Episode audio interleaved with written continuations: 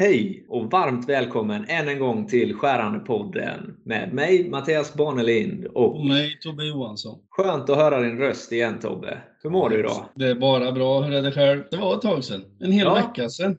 Ja, herregud. Eh, och visst går det bra med Skärande-podden? Jag är väldigt positivt överraskad att så många lyssnar. Ja, det är jätteroligt faktiskt. Och jag Mm. måste säga, jag har till och med fått lite frågor ifrån våra kunder om lite saker som de tycker vi ska prata lite grann om. Alltså, ja, vad Mm. roligt. Ja. Ja, jo det var så. Jag var ute här i veckan och träffade lite kunder och de ville att vi skulle ta upp den här frågan. Vad händer när man gör lite grann fel eller när man kör lite grann för länge med skären? Ja. Alltså utslitningsorsaker på skären eller ja, sådana typer av problem. ja, liksom lite vilka tecken man kan titta efter och så här för att förbättra de sista procenten av sin bearbetning och lite sådär. Ja, ja, Eller vilka och- saker man ska undvika kanske. Ja, likadant. Ja, precis. Undvika. Vad ska jag göra om det blir fel? Mm. Om jag får det här resultatet, vad ska jag göra istället? Ja, precis. Lite eh, varningssituationer och hur man justerar dem. Om man Ja, säger. precis. Vad har hänt mer den senaste veckan för dig då Tobbe? Det är som vanligt. Det rullar på. Man får hjälpa kunder att lösa problem med allt möjligt. Själv då? Jo, nej, det har varit några heta potatisar på mitt. Det har ju varit mycket specialverktyg och så har det varit lite, faktiskt lite mässor. Och det är kul att komma ut lite och röra på sig och eh, skärma nya kunder. en sak jag har men- tänkt på att det är ju faktiskt betydligt svårare att skärma en ny kund på en mässa än vad det är att skärma en brud på krogen. Ja, det kan man väl tycka. Jag brukar inte ha några problem med något av det, men Nej, det förstår jag Tobbe. Det förstår jag. Men du ligger ju på en helt annan nivå än oss andra. Ja, absolut. Ja. absolut. Skämt åsido. Ja, det är ju faktiskt ganska svåra grejer det där. Ibland blir man ju lite för eh, het på gröten så att säga. Lite för upphetsad och vill lite för mycket. Stämmer. Vad, om vi ska dra över det här till skärande bearbetning då. Vad är det som kan hända? Det är ju egentligen väldigt mycket saker som kan hända och som det beror på så väldigt mycket olika saker. Om man säger, om vi tar det här med att man kör för länge med ett skär till exempel. Det kan ju bero på väldigt mycket olika saker. Antingen har du inte tillräckligt med erfarenhet, du har inte kört så länge och då står du och använder dem för länge och du väntar tills det liksom går sönder i princip. Ja. Eller så har du lite, kanske lite grann för mycket att göra. Du har lite för många maskiner så du inte har kontroll på processen i alla. Du står en bit bort och hör att det börjar att rassla och låta tråkigt på nästa ställe. Precis. Det är viktigt inte... att ha eh, en överblick på sin eh, bearbetning. Har man en maskin som producerar och du sätter in ett nytt skär, du startar det, du vet att det ska gå i Mm. ett par timmar, Mm. eh, då kanske du släpper det. Men sen kan det ju hända saker under tiden och så Absolut. kommer du dit och ser att den har spottat ut bitar de senaste 10 minuterna som inte är godkända helt enkelt. Punkt ett är väl egentligen att ha tillräckligt med tid eh, Ja. och en god överblick. Det är ju Precis. jätteviktigt. För det är ju så i dagens samhälle att många har för mycket att göra helt enkelt. Ja, man ska vara på fler ställen samtidigt och då blir det lite grann besvärligt och då sätter det ännu högre krav på oss och våra grejer. Men om vi tänker på vad, vad är det som kan göra att eh, du har kört in ett skär, du vet att det Mm. ska hålla i två timmar. Vad är det som kan eh, hända om det liksom, kan det hända att det helt enkelt inte funkar efter 10 minuter då? Fastän det ser bra ut de första 10 minuterna. Ja, ja, absolut. Det kan vara väldigt mycket olika orsaker. Säg att du kör en stångma- stångmaskin till exempel. Så Mm. kan det vara så att en materialstång, den har en hårdhet ut i kanterna på materialet, eller ut i ändarna om man säger. Men inom Jajamän. Mitten har du en helt annan. Då är det mycket mjukare mot mitten. Så börjar Jajamän. du köra in ett jobb och du är på mitten av stången så att säga, Mm. så kanske du ligger på, alltså, om vi pratar om Brinell-hårdhet så kanske du ligger på 180. Så Jajamän. kommer du mot slutet på stången då är du uppe på 250 helt plötsligt. Jajamän. Och då är det helt andra premisser som gäller för att skärnen ska fungera bra. Då blir det för hårt. Och då blir det väl en, eh, allt som oftast en urflisning på skäret? Ja, Mm. Eller många- skäräggen? Ja, precis. Många gånger så tittar man på de här skären och man tittar på vad man har för förslitning. Men sen är det, har man kört för länge så har du i princip alla förslitningar på skäret. Ja, om man har kört för länge. Ja. Ja, Men man har ju oftast en tidsplan när man byter skär liksom, i sin Mm. eh, produktion om man säger. ja. Det är ju när den här bryts som man måste vara på tårna. Eh, Precis. Och vara lite beredd på sådana här grejer. Ja. Kan det då bli eh, ojämnheter i materialet så kan det ju bli en, en alldeles för stor belastning på skäräggen. Eh, Ja. Och det kan ju ske när som helst egentligen. För material Mm. är ju sådana grejer, de är ju lite ojämna och sådär. Ja. Och lossar då en flisa ur skäräggen så skapas ju en spricka. Och då blir det ju en drastisk skillnad i hållfastheten. Absolut. Eller om vi återgår till exemplet att du börjar i lite mjukare material och du går in i det som blir hårdare. Då får du någonting som kallas för plastisk deformation på skäret. Ja, du, trycker ihop, du trycker ihop spetsen helt enkelt. Mm. Och då slutar den ju att skära och sen blir det bara sämre och sämre och till slut så går det sönder. Ja, jajamän. Då har man ju också valt egentligen fel verktygsmaterial. Ja, Fel hårdmetall. Så hur gör Ja. man en åtgärd för det då? man tar en hårdare platta helt enkelt. Det är ju någonting som går att förhindra, men man måste veta orsaken till det. Precis. Sen ska vi poängtera, alltså när man pratar om livslängd och sådana här saker så pratar man ju om det vi kallar för ingreppstid. Yes. Du sa lite grann om att det ska hålla ett par timmar. Det är ju inte så att skäret är i detaljen i två timmar utan maskinen går i två timmar. Precis. Skäret i detaljen kanske ska vara en halvtimme eller 20 Ja. minuter i normala fall. Ja. 100. Alltså då snackar man ju riktig ingreppstid. Om man säger. Nya detaljer ska bytas, det ska göras lite andra processer däremellan. Det kanske ska borras och det kanske ska... Saker och ting ska justeras till helt enkelt. Innan man kör just det här skäret.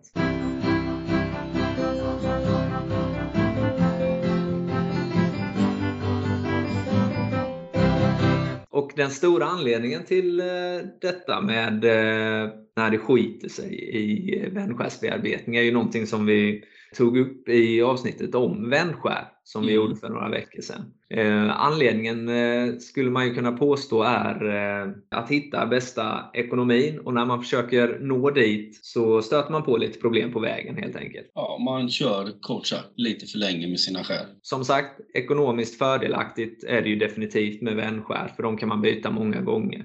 Hur är det med hållaren till den då? Jo, men den ska man väl byta lika ofta som skären. Det vore väl bra för oss? Nej, nej skämt åsido. Hållaren håller ju givetvis mycket, mycket längre än eh, skären. Det är ju det är därför det är vändbara skär och utbytbara. Man byter ju spetsen så att säga. Men e- efter lite längre tid så blir även hållaren utsliten. Det komprimeras i och skärläget försämras och sådana saker. Då Precis. kommer du att tappa toleranser och, och till och med att skären släpper och det går sönder. Ja, den har ju också en livslängd, hållaren. Eh, Absolut. Det har ju med materialet att göra och hållfastheten i den. När den har tagit emot för mycket krafter till slut så, så Mm. syns det på den. Och gör man eh, lite grann fel så kan eh, livslängden på en hållare bli väldigt kort. Det finns ju tillfällen där man har kört robotmaskiner och det blir alltså, då har ett slitigt skär Mm. och så blir det spåntrassel och så lägger sig det i sjuken och så stoppar du i nästa bit eller roboten stoppar i nästa bit och då Ja. sticker den ut kanske 7 mm längre än vad den ska göra och så kommer den lilla hållaren och ska plana. Mm. Och då blir det väldigt fort väldigt dåligt och då får man byta både hållare och plattor och rikta sin maskin och, och greja lite. Just därför är det ganska viktigt det här med att hålla ordning på sina skär för det kan ta med sig så mycket annat.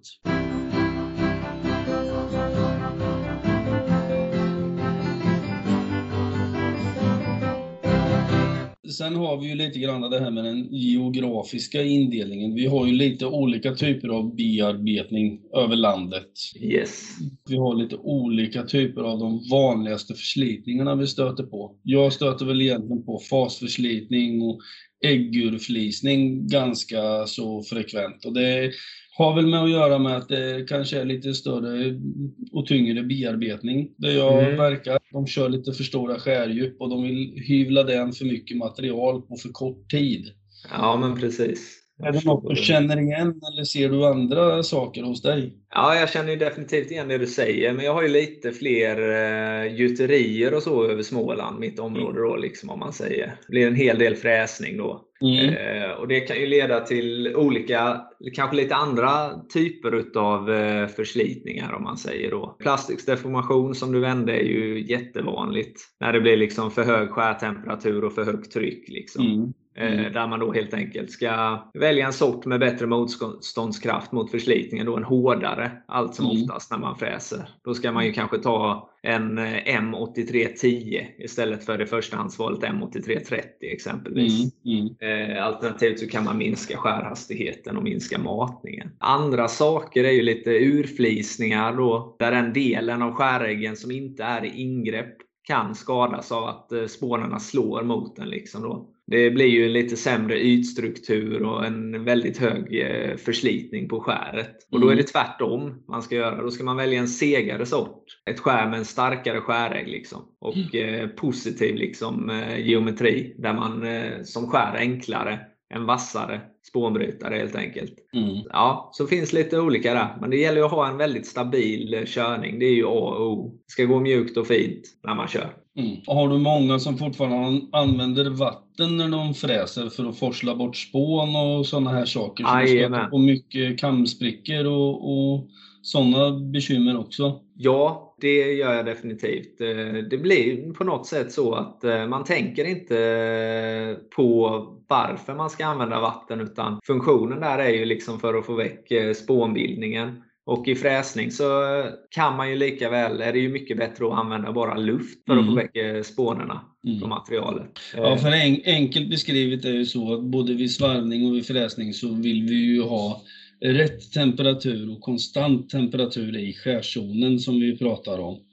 Och till exempel svarvning, där kan man ha vatten på grund av att då riktar du vattnet på det enda skäret du använder i ingreppet och då kontrollerar du temperaturen med det. När du fräser så får du, om du spolar vatten till exempel, då, alltså då häller du på vatten på skäret och då blir det jättevarmt när det går i ingrepp och sen kyler du det för fort när det går ur ingrepp igen, när det liksom går fritt ur materialet och då får Aj. du de här kamsprickorna. Och som du är inne på, det här med luft gynnar ju för då sänks inte temperaturen lika hastigt. Precis. Som sagt, det gäller ju att hålla en konstant eh, och jämn temperatur. Det blir ju mm. varmt och kallt väldigt snabbt eh, mm. vid fräsning. Och det vill man ju undvika, liksom hålla det på en så jämn nivå som möjligt. Och eh, att det då blir väldigt varmt och ryker lite och sånt, det är ju bättre än att man kyler ner den emellanåt. Mm. Sen finns det så mycket andra saker som spelar in det här med skärsorter och grejer. Pratar vi svarvning så är det oftast det ganska stadigt. Du kan ha på vatten och sådana här saker, men du kan ju även givetvis hamna i situationer där det är långa slanka detaljer som gärna vibrerar och du måste tänka på vad du har för skärdjup och grejer. Vid fräsning är det ju så många andra parametrar som spelar in. Alltså uppsättning, ja. verktygslängder, vad ja. är det för material?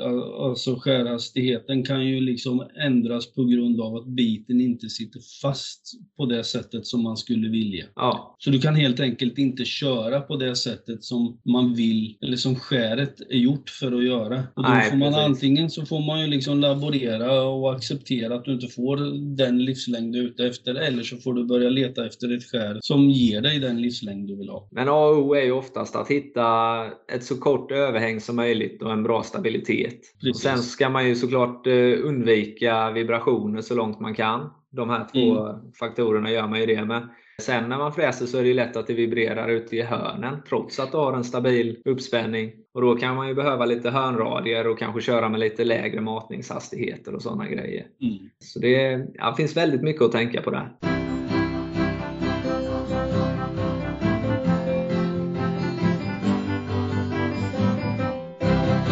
Så kort sagt, vid fräsning så är det ju att jobba torrt eh, som gäller då för att förlänga skäräggens livslängd. Om man säger då. Det är ju för att hålla sig inom ramen för hårdmetallsorternas intervall då vad gäller temperaturskillnader. Men det finns ju några gånger som det faktiskt är bra att fräsa med skärvätska. Mm. Några undantag finns ju. Eh, jag tänker på finbearbetning av vissa material, exempelvis eh, rostfritt stål och aluminium. Då det faktiskt eh, har en funktion där. Man ska förhindra att materialet kletar fast i ytan och sådär. Ja, ja. Och för att runda av lite där med vändskär så kommer vi kanske in på finbearbetning och lite runda verktyg då, om man säger. Ja, lite solida pinnfräsar utan vändskär så att säga. De har ju en speciell livslängd de också. Ja har de såklart. Inget är för evigt. Nej, tyvärr. Utom jag. ja. ja, precis som, ett, som exempelvis ett A002 som precis som du då har funnits eh, eh, i väldigt massa år och som också är väldigt känd. Ett känt borr. Ett snabbstålsborr. Ja, och lika bra. Och lika bra ja. Det är ju, man, vi brukar ju säga att det är ett borr som funkar lite till allt. Och det gör ju ja, du med. Ja, precis. Nej, men om man pratar förslitningar på sådana verktyg så alltså man ser spetsen bli slö och många av standardverktygen idag är ju belagda. Mm. Och alltså när beläggningen slits ner och försvinner så eh, brukar det hända saker ganska fort. Precis. Alltså man tappar, man tappar skärpa i borren till exempel och styrkanterna blir mindre och hålen blir inte tillräckligt bra. Och det är ju väldigt bra med den här beläggningen som du säger med den gula teambeläggningen som man ser rätt tydligt. När den börjar försvinna och det blir liksom lite mörkare i skärzonen på skäräggen där. Det är ju då den försvinner helt enkelt. Det är då den nötts bort. Ja, precis. Eh, så det är ju ett visuellt sätt att ha koll på detta liksom, med belagda verktyg också. Dels är ju verktygslivslängden längre med beläggning och dels ser man det rent visuellt när det börjar närma sig slutet. Mm. Precis som du, du blir lite gråare och då mm. kanske det säger att det börjar närma sig slutet också. Ja. Men ändå inte. Färgen försvinner sakta men säkert. Apropå färg, en del säger att jag är gråhårig och bara har askan kvar, men du kommer dit då också för det brinner ju fortfarande. ja, nej, men om, om, vi snackar gängtappar då, är det, är det samma sak där? Är det samma premisser eller vad händer med dem när de börjar bli slitna? Ja, det är ganska likt, men ändå en hel del skillnad. För där slits ju själva äggen ut eh, snabbast på gängtapparna. Och det är inte alltid man ser att beläggningen eh, slits ut på en gängtapp i samma omfattning som man ser på en fräs eller en borr. Nej, eh, nej. Faktiskt. Utan det är skäräggen eh, som gör, och det ser man ju egentligen bara genom att testa gängorna efteråt mm. med en gängtolk. Mm. Och när den inte funkar så är, det, så är gängtappen slut helt enkelt. Då är det nog dags att börja runda av hela det här avsnittet faktiskt. Eh, den lyssnarfrågan har ju tagit lite tid att besvara. Ja, det alltid. Ja. Så hur ska vi sammanfatta det här avsnittet då Tobbe?